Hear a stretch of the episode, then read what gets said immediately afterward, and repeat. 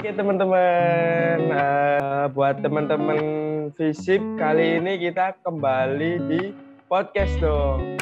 Nah, uh, perbedaan kali ini yaitu kita bersama Presbem yang baru UPN Veteran Jawa Timur.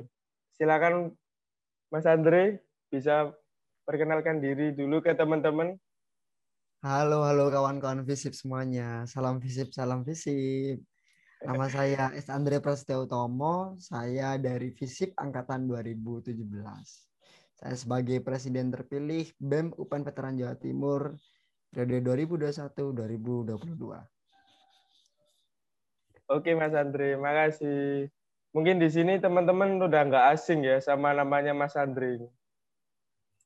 Jadi langsung aja kita akan masuk ke pertanyaan-pertanyaan yang akan mengulik tentang BEM Universitas Veteran Jawa Timur. Untuk yang pertama, ini kan ya Mas Andre, aku mau bilang ke teman-teman dulu bahwasanya BEM Universitas ini kan pernah vakum gitu ya Mas Andre. Iya, benar. Nah, uh, mungkin bisa diceritakan sedikit sejarahnya kenapa BEM Universitas ini sempat vakum. Iya. Oh, jadi sejarahnya itu, jadi memang ada beberapa persepsi dan konsepsi terkait dengan kenapa BEM UPN Veteran Jawa Timur pada saat itu bisa vakum. Jadi memang uh, vakumnya BEM UPN Veteran Jawa Timur pada waktu itu pada tahun 2011-2012. Periode 2011-2012. Dan salah satu Presmanya pada waktu itu adalah yang terakhir itu kalau tidak salah adalah Mas Dodi, ketua MPM-nya itu eh, yang terakhir itu ada Mas Dondon dan juga pada waktu itu juga sempat berdiri juga ada Cak Wo juga sebagai ketua, ketua MPM pada waktu itu.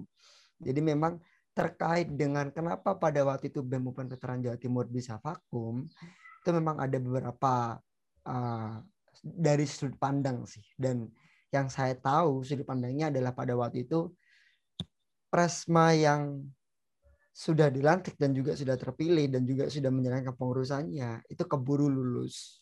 Jadi memang dikejar masa studi dan dia sudah lulus sampai pada akhirnya wakil presiden mahasiswanya itu tidak mampu ataupun dapat dikatakan ketika bekerja sendiri pastinya kan seorang pemimpin itu juga butuh partner berpikir, partner bekerja. Saya pada akhirnya dia tidak mampu untuk meneruskan kepengurusan BEM UPN Veteran Jawa Timur pada waktu itu dan akhirnya BEM UPN Veteran Jawa Timur itu bisa vakum.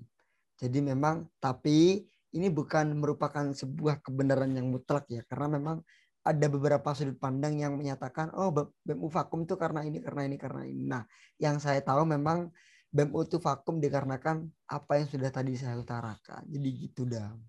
Kenapa kok bisa vakum sejarahnya? seperti itu. Oh, Jelas jadi itu ya teman-teman. Uh, ini ya Mas Andri, mungkin tidak ada regenerasi gitu. Iya, benar tidak ada sebuah regenerasi di UPN Veteran Jawa Timur sampai pada akhirnya ya udah Ormawa tingkat universitas bukan hanya BEM tapi juga MPM akhirnya vakum kayak gitu. Oh iya, makasih Mas Andre. Jadi kayak gitu ya teman-teman kenapa nih? Mungkin di benak teman-teman banyak yang bertanya juga, mengapa BMU ini tidak ada atau vakum? Nah, sekarang kita masuk ke pertanyaan kedua. Uh, kan mungkin dulu sempat vakum ya Mas Andre dari BMU. Hmm.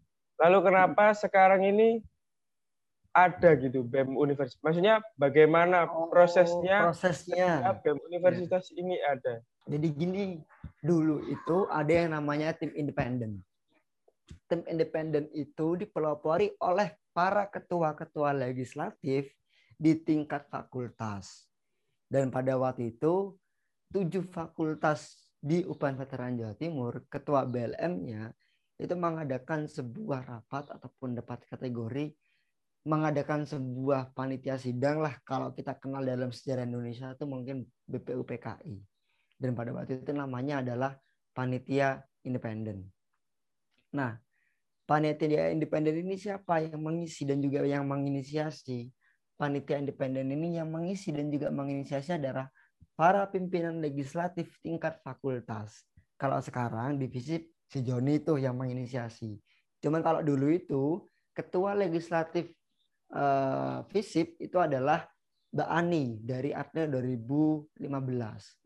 Jadi pada waktu itu memang ada sebuah perumusan dari para pimpinan-pimpinan fakultas ataupun para pimpinan legislatif di tingkat fakultas untuk menginisiasi adanya pendirian BEM universitas. Lalu sampai pada akhirnya itu prosesnya lama banget dari tahun 2017, 18, 19 sampai dengan tahun 2020. Nah, pada tahun 2019 sempat ada kemandekan. Jadi proses pertama sih, pertama kali sidang itu pada tahun 2019.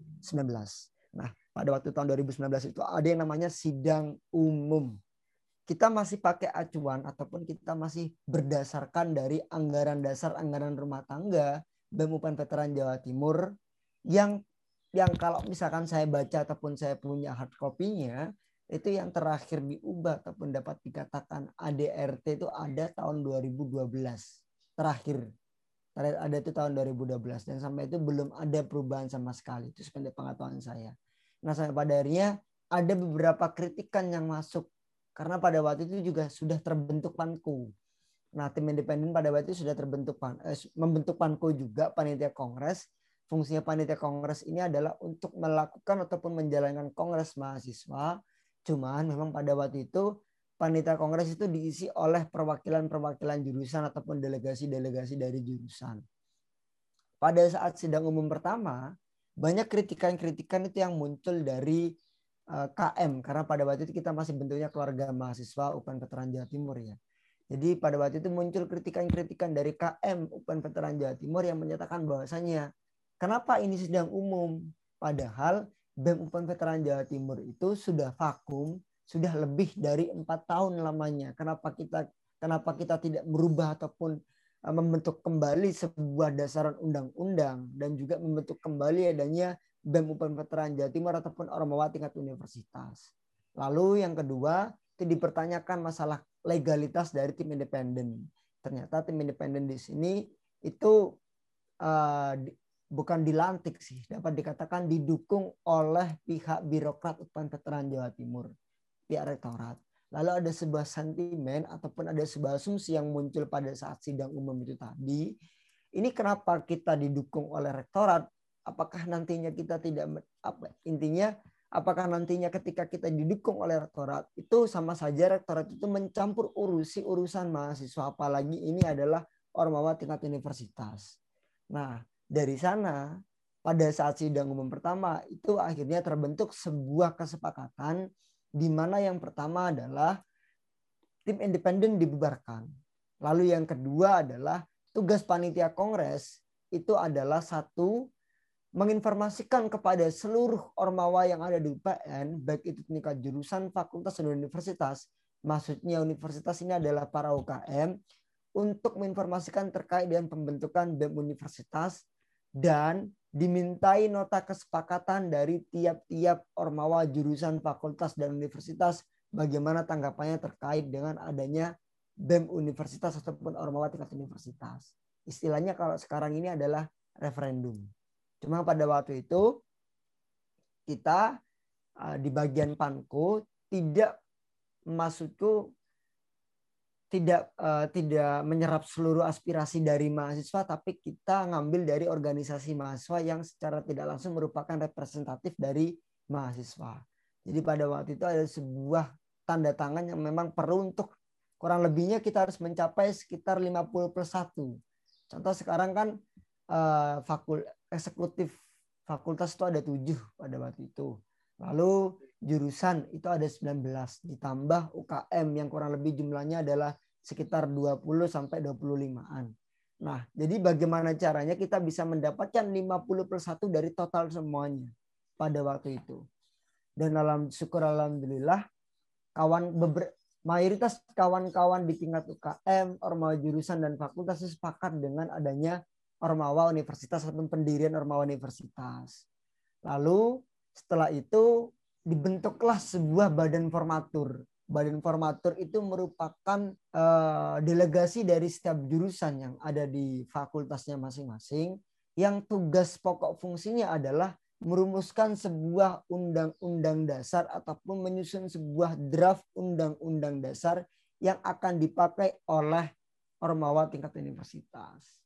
Jadi dari sana udah ada ada undang-undang dasar remanya, akhirnya disidangkan, dikongreskan, lalu sampai dengan berjalannya waktu terakhir itu ada sebuah proses pada tahun 2020 bulan Februari itu sebenarnya sudah terbentuk KPU. Hanya pada waktu itu ya karena memang keadaan dan juga kita pada waktu itu belum bisa beradaptasi, kawan-kawan KPU dan juga Banwas yang diwakili oleh tiap-tiap delegasi dan dari fakultas itu dikarenakan pandemi KPU dan Banwas tidak bisa berjalan. Nah dari sana terjadi sebuah kemandekan lagi tuh dari bulan Februari. Padahal masa untuk berbicara masa kerjanya KPU itu sama seperti kemarin bulan April juga pada saat akhir April juga. Kalau nggak salah sekitar tanggal 30 sampai 31 April tahun 2020. Cuma memang karena pandemi itu tadi dan juga kawan-kawan sulit beradaptasi, KPU dan Banwas tidak mampu untuk menyelesaikan pekerjaannya sampai dengan masa kerjanya habis. Lalu dibuka kongres lagi pada tahun 2021 bulan Februari. Uh, ya bulan Februari dibuka kongres lagi untuk memperpanjang agendanya memperpanjang masa kerjanya KPU dan juga Banwas. Sudah sampai hari ini diperpanjang lagi. Ya akhirnya pada saat eh, pada saat ini sudah terbentuk ataupun sudah ada ormawa tingkat universitas baik itu legislatif ataupun eksekutif di UPN Veteran Jawa Timur. Jadi kayak gitu dam secara sudut pandang historisnya dari yang vakum sampai sekarang ada. Oh, berarti butuh perjuangan banget ya Mas Andre dalam membangun BEM universitas ini. Iya, banget dan kita mau memang ini kerja sosial dalam kategori kerja sosial tuh ya jangan nggak berharap gaji nggak berharap uang karena memang ya udah adanya ormawa universitas itu memang saya tahu karena dulu waktu maba UPN sendiri yang tidak memiliki ormawa tingkat universitas di Surabaya dan betapa irinya saya ketika melihat teman-teman di UNER UNESA ITS memiliki ormawa universitas. Jadi memang sangat benar-benar diharapkan adanya Orma Universitas oleh kawan-kawan mahasiswa UPN. Kayak gitu. Iya, ya, baik Mas Andre. Berarti uh, sebenarnya BEM Universitas ini rencananya berdiri tahun 2020 kemarin ya Mas Andre? Iya, benar. Tahun 2020. Cuma karena pandemi, akhirnya digeser 2021. Banyak kendala ya Mas Andre, adanya COVID ini. Iya benar.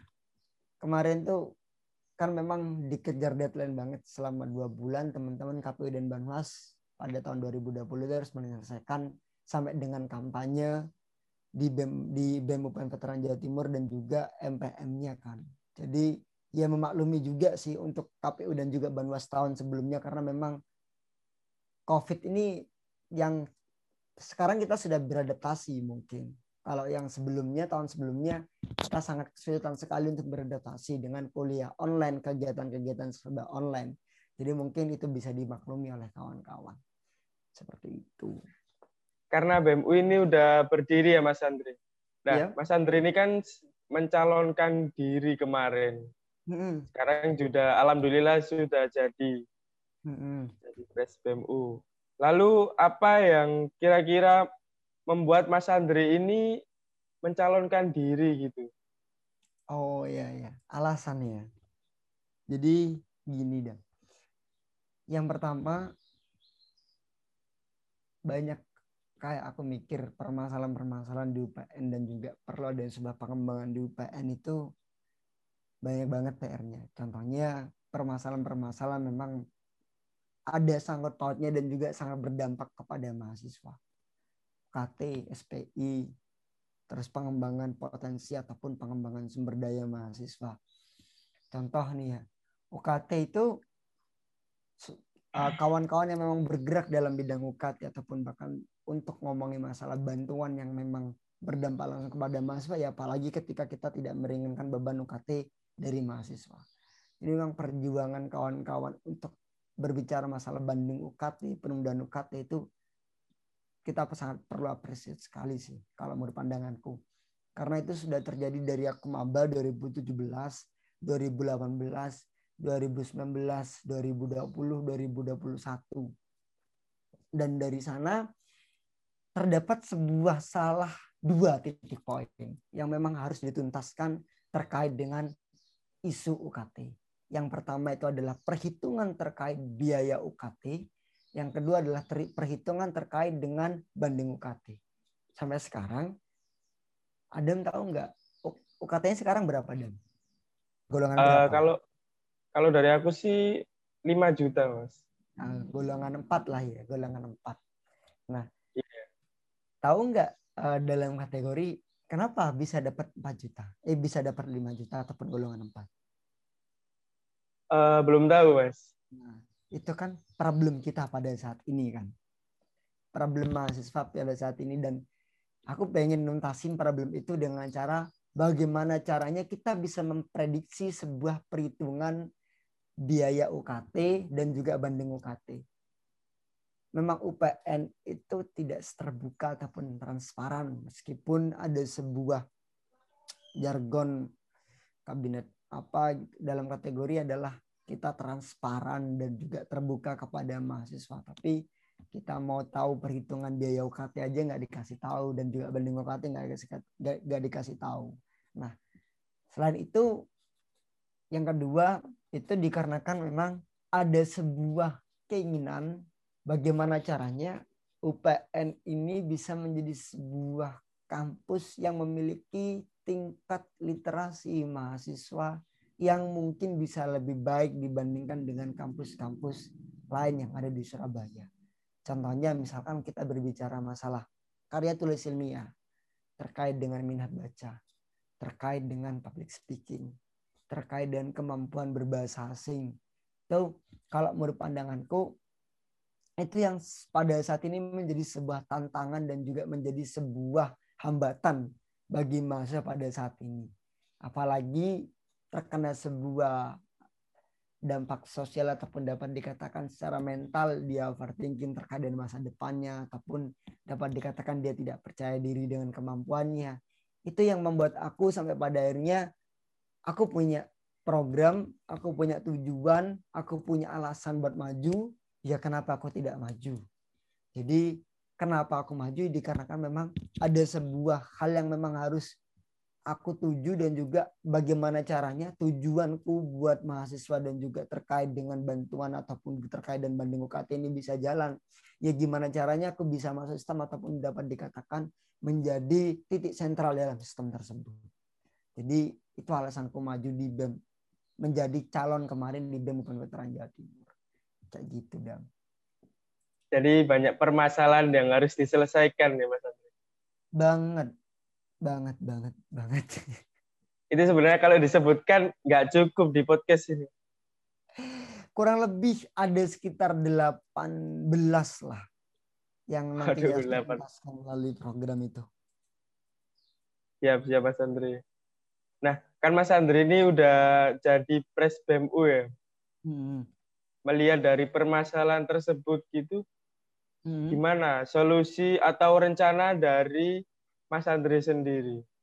Nah, untuk masalah restorannya kan rencana strategisnya kita ke depannya itu memang yang pertama bagaimana caranya mahasiswa UPN itu ada sebuah perbedaan ketika tidak ada BEMU dan juga ada BEMU. Merasakan itu. Jadi memang untuk di awal terkait dengan permasalahan itu, bagaimana caranya aku bisa menyentuh seluruh aspek ataupun seluruh lapisan yang ada di UPN Veteran Jawa Timur dengan beberapa program. Bagaimana caranya aku juga bisa berkomunikasi dan juga berdialog dengan kawan-kawan di tingkat jurusan dalam kategori di sini adalah himpunan dan juga BEM fakultas. Jadi memang ada beberapa program yang memang nantinya menjadi sebuah titik acuan pertama yang memang aku mau gerakin. Yaitu terkait dengan pengembangan sumber daya manusia dalam kelas penulisan, kelas public speaking, dan juga kelas bahasa ataupun kelas TOEFL. Dan lalu yang kedua, titik sentralnya adalah bagaimana caranya kita, BEM Veteran Jawa Timur, itu bisa dikenal di luar. Karena memang vakumnya BEM UPN Veteran Jawa Timur kurang lebih selama 10 tahun, itu mengakibatkan ataupun membuat ya kita terkenal dengan salah satu kampus yang tidak memiliki Ormawa Universitas pada saat itu. Lalu bagaimana caranya kita bisa membuat sebuah esensi dan juga esensi di luar kampus agar BEM UPN Veteran Jawa Timur ataupun UPN Veteran Jawa Timur itu bisa terangkat kembali namanya. Itu titik fokus yang kedua. Lalu yang ketiga, ada beberapa policy brief yang nantinya bakal diajukan dan juga yang nantinya bakal bagaimana caranya kita bisa mendorong pihak Open Veteran Jawa Timur untuk mampu menerapkan policy brief yang sudah kita buat.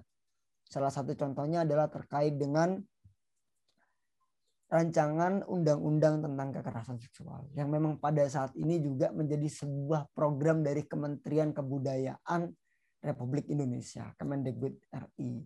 Jadi memang ada beberapa hal yang memang nantinya harus aku fokusin bagaimana caranya mahasiswa itu merasakan ada perbedaan dan juga ada perbedaan antara tidak adanya BEMU dan juga adanya BEMU. Lalu yang kedua adalah bagaimana caranya BEM UPAN Veteran Jawa Timur ataupun UPAN Veteran Jawa Timur ini bisa dikenal di luar, baik itu lingkup regional daerah ataupun provinsi dan juga nasional. Lalu yang ketiga adalah bagaimana caranya BEM Veteran Jawa Timur itu nantinya bisa merumuskan dan juga memberikan sebuah solusi terkait dengan permasalahan yang ada di Veteran Jawa Timur. Seperti itu, Dam. Wah, rencananya menarik-menarik, Harus menarik memang dari rencana-rencana tersebut ya Mas Andre. Hmm. Kan masih banyak sebenarnya rencana-rencana lain. Hmm. Uh, mungkin yang aku tanyain di sini ini ke depannya nanti program terbesar dalam periode Mas Andre ini apa sih hmm. kira-kira? Gambarannya seperti apa? Program terbesar ya. Sebenarnya iya. kalau dari konsepan ataupun rancangan bersama Mas Fadel sebagai wakilku, itu ada di yang pertama lingkungan hidup dalam sebuah pengabdian masyarakat juga lalu di sosmas sosial masyarakat ada juga pengabdian lalu yang ketiga itu kita memang pengen ada sebuah event yang benar-benar mungkin besar dan juga bisa mengangkat nama UPN kalau di lingkungan hidup ini spoiler aja kita akan kampanye dengan keliling di beberapa desa dan kita akan juga melibatkan mahasiswa Veteran Jawa Timur. Sosmas, kita akan memberikan sebuah dampak langsung kepada salah satu desa yang memang ada sebuah potensi yang perlu untuk dikembangkan ataupun ada sebuah permasalahan yang perlu diselesaikan. Lalu yang ketiga, yang ketiga jangan dulu deh untuk eventnya. Jadi memang masih rahasia dan juga masih mau digarap konsepnya mau seperti apa. Jadi tunggu aja. Wah ini menarik sekali nih Mas Andri Tunggu. Berarti program terbesarnya itu buat masyarakat juga ya Mas Andri? Iya, dan kita pengennya juga melibatkan mahasiswa UPN untuk bisa karena gini, inti dari sebuah pendidikan itu ada di dalam tridharma perguruan tinggi. Kita sudah melakukan pendidikan, kita sudah penelitian, lalu bagaimana dengan pengabdian masyarakat kita. Jadi gimana caranya nanti adanya BEM UPN Veteran Jawa Timur itu tidak hanya bermanfaat bagi mahasiswa UPN saja ataupun bahkan untuk UPN saja, tapi kita juga bisa memberikan manfaat kepada orang luar ataupun masyarakat secara luas, baik itu di Surabaya ataupun bahkan di provinsi dan juga nasional. Jadi tunggu aja tuh programnya. Baik Mas Andre. Nah, untuk bayangan 100 hari pertama dari BMU ini apa Mas Andre? Kayak uh, gimana gitu? Untuk 100 hari pertama, kita tuh pengennya yang pertama adalah melakukan sebuah Oh meskipun sekarang ini sudah dilakukan ya dalam kategori aku sama Mas Adil sudah melakukan sebuah safari ke kampus-kampus lain untuk mengenalkan ini loh upaya sudah ada BMU-nya, ini loh kita sudah ada BMU-nya gitu. Karena memang bagaimana caranya kampus lain itu sudah mengetahui bahwasanya ini upaya sudah ada BMU-nya. Ayo kalau misalkan ada sebuah kegiatan ataupun program bareng yang mau dilakukan. Yang pertama, cuman memang itu perlu ditingkatkan lagi untuk nantinya setelah aku dilantik ataupun aku sudah memiliki sebuah kepengurusan di BEM Raya Timur, Lalu yang kedua untuk 100 hari pertama itu kita mencoba untuk menyelesaikan permasalahan-permasalahan yang ada di tingkat jurusan dan juga tingkat fakultas yang tidak mampu diselesaikan oleh jurusan dan juga fakultas. Itu yang kedua. Contohnya apa pun itu baik itu terkait dengan pendidikan atau baik itu terkait dengan akademik ataupun non akademik. Lalu yang ketiga adalah bagaimana caranya terkait dengan pengembangan sumber daya manusia yang ada di BEM Veteran Jawa Timur itu bisa berjalan. Jadi memang ada empat sih kalau menurut pandanganku nanti untuk 100 hari pertama terkait dengan BEM Veteran Jawa Timur yaitu ada di pengembangan sumber daya manusianya nanti terkait dengan pengembangan kualitas mahasiswa. Kita akan sering-sering bikin kelas buat teman-teman mahasiswa yang memang dibutuhkan bagi para akademisi ataupun dapat dikatakan ini bisa digunakan untuk hal-hal akademik ataupun non akademik. Lalu yang keempat yang terakhir itu bagaimana caranya nanti dalam kan nanti itu ada sebuah gambaran nih Kementerian Pergerakan yang memang fokusnya adalah isu strategis di luar UPN Veteran Jawa Timur. Jadi untuk mengibarkan ataupun untuk mengobarkan bahwasanya kita Open Veteran Jawa Timur, BEM Open Veteran Jawa Timur itu memiliki sebuah kajian ataupun kita memiliki sebuah isu yang memang harus dibahas di tingkat nasional. Dan itu untuk juga membranding ataupun ya tidak malu-maluin lah dalam kategori agar teman-teman mahasiswa UPN yang ada di luar Surabaya ataupun bahkan ketika ketemu sama teman-temannya dan ngobrol seputar kampus ataupun seputar dunia mahasiswa, mereka setidaknya bisa membanggakan pergerakan kampusnya di tingkat nasional ataupun regional. Itu sih untuk gambaran 100 hari pertama. Seperti itu. Yang pasti sih advokesma itu nggak usah ditanya lagi. Itu udah pasti menjadi fokus isu utama dalam BEM UPN Veteran Jawa Timur. Seperti itu, Dan. Wah, menarik sekali ini Mas Andi. Patut ditunggu buat teman-teman seluruh fakultas ini. Nah, itu tadi juga termasuk pertanyaan terakhir dari KM oh. Visip ya, Mas Andri. Oh, udah pertanyaan terakhir ya dari KM Visip ya? Iya. Oke, okay, oke. Okay. Mungkin teman-teman udah nggak perlu tanya dan udah tahu lah. Nanti proker-proker dari Mas Andri ini bakalan menarik. Oh iya. Uh, banyak sih sebenarnya Dam yang tanya. Kapan Mas ada uh, IG-nya BEMU? Kapan BEMU oprek? kapan BEMU ada dalam kategori aktif gitu.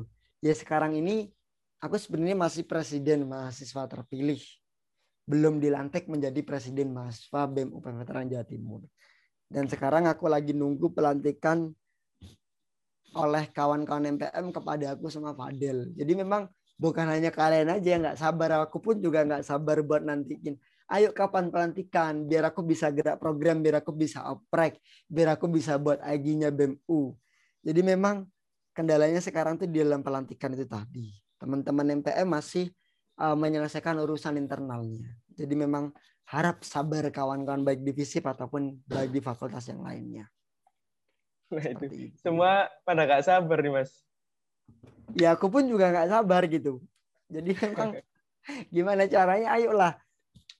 Nanti juga ketika terlalu lama takutnya euforia ataupun ketertarikannya teman-teman dari BEM ini juga sudah nggak ada itu juga bakal merepotkan juga. Nah sementara kan sekarang mumpung masih ada euforianya dan juga kawan-kawan masih uh, excited dengan adanya BEMU ya harusnya kita harus gerak cepat dong biar mendapatkan sebuah hal yang memang perlu untuk kita lakukan nantinya kayak gitu dan ya baik Semoga segera dilantik ya Mas Andri. Amin. Aku juga berharap seperti Amin. itu. uh, terima kasih sebelumnya Mas Andre. Hmm. Semoga dalam menjalankan tugasnya bisa amanah dan Harus. membawa nama UPN menjadi lebih baik lagi. Amin. Terima Mungkin kita ke depannya bisa podcast lagi ya, membahas isu-isu gitu yang lebih menarik. Iyalah, ya ditunggu aja nanti dari teman-teman BLM Visip semoga teman-teman juga semangat dalam bersidang nantinya dalam membuat peraturan perundang-undangan. Saya tahu tugasnya teman-teman BLM Visip bakal berat untuk terkait dengan perundang-undangan. Komisi B legislasi semangat. Jadi, Makasih Mas. Ayo kita buat UPN Veteran Jawa Timur menjadi lebih baik bareng-bareng lagi. Ya. Semoga aja dengan adanya Ormawa baik itu tingkat jurusan, fakultas dan juga universitas bisa meng, bisa membanggakan kampus. Jadi kita tidak bangga karena alma mater kita, tapi bagaimana caranya kita yang membuat bangga alma mater kita. Seperti itu. Amin. Makasih Mas Andre. Mungkin ada pesan-pesan terakhir buat teman-teman nih Mas. Eh, pesan-pesan terakhir ya. Kan terakhir sih Mas. Jadi eh ini pesan juga buat aku sendiri sih mungkin yang sering sering kali masih aku pegang dalam kategori ini yang menjadi sebuah sebuah acuan bagi aku gitu. Semangat tetap semangat berproses. Jangan karena hasil yang negatif kalian menjadi lelah untuk ataupun menjadi jengah untuk berproses. Inti dari sebuah proses itu bukan dari hasilnya, tapi dari apa yang sudah kalian lalui dan apa yang kalian dapatkan. Proses itu bagaikan kalian jatuh cinta berulang kali dan jatuh berulang kali sampai pada akhirnya kalian bisa mengerti apa itu cinta, bukan hasil dari proses bercinta. Jadi itu saja pesan dari saya. Ada melankolis sekali pada siang hari ini. Saya serahkan lagi ke kamu. Tetap semangat untuk berproses bagi teman-temannya di divisip baik itu di ormawa ataupun non ormawa baik itu di akademik ataupun non akademik kita bikin bangga UPN bareng-bareng karena kita bukan karena bukan kita bangga dikarenakan masuk di UPN tapi bagaimana caranya kita bisa membuat bangga UPN Veteran Jawa Timur. Meskipun terkadang birokrasi UPN Veteran Jawa Timur itu ruwet dan juga rumit tapi bagaimana caranya kita tetap harus membuat bangga kampus kita sendiri. Itu aja Baik Mas saya. Andre. Oke. Baik Mas Andre. Cukup sekian podcast siang hari ini. Semoga pesan-pesan dari Mas Andre bisa kita eh, jaga buat kerja kita nanti di BLM Visip biar lebih baik lagi Mas. Siap sama-sama teman-teman tetap semangat semuanya. Kita kerja bareng-bareng ya nanti ya. Kamu di BLM Visip dan aku di BEM Universitas nantinya. Semoga tetap tidak pernah jenuh dan juga tidak pernah lelah untuk tetap berproses. Baik. Siap Mas Andre. Terima kasih Mas Andre atas waktunya. Sama-sama teman-teman dalam visip terima kasih juga atas undangannya dan juga kesempatan untuk berbicara. Baik Mas Andre, terima kasih.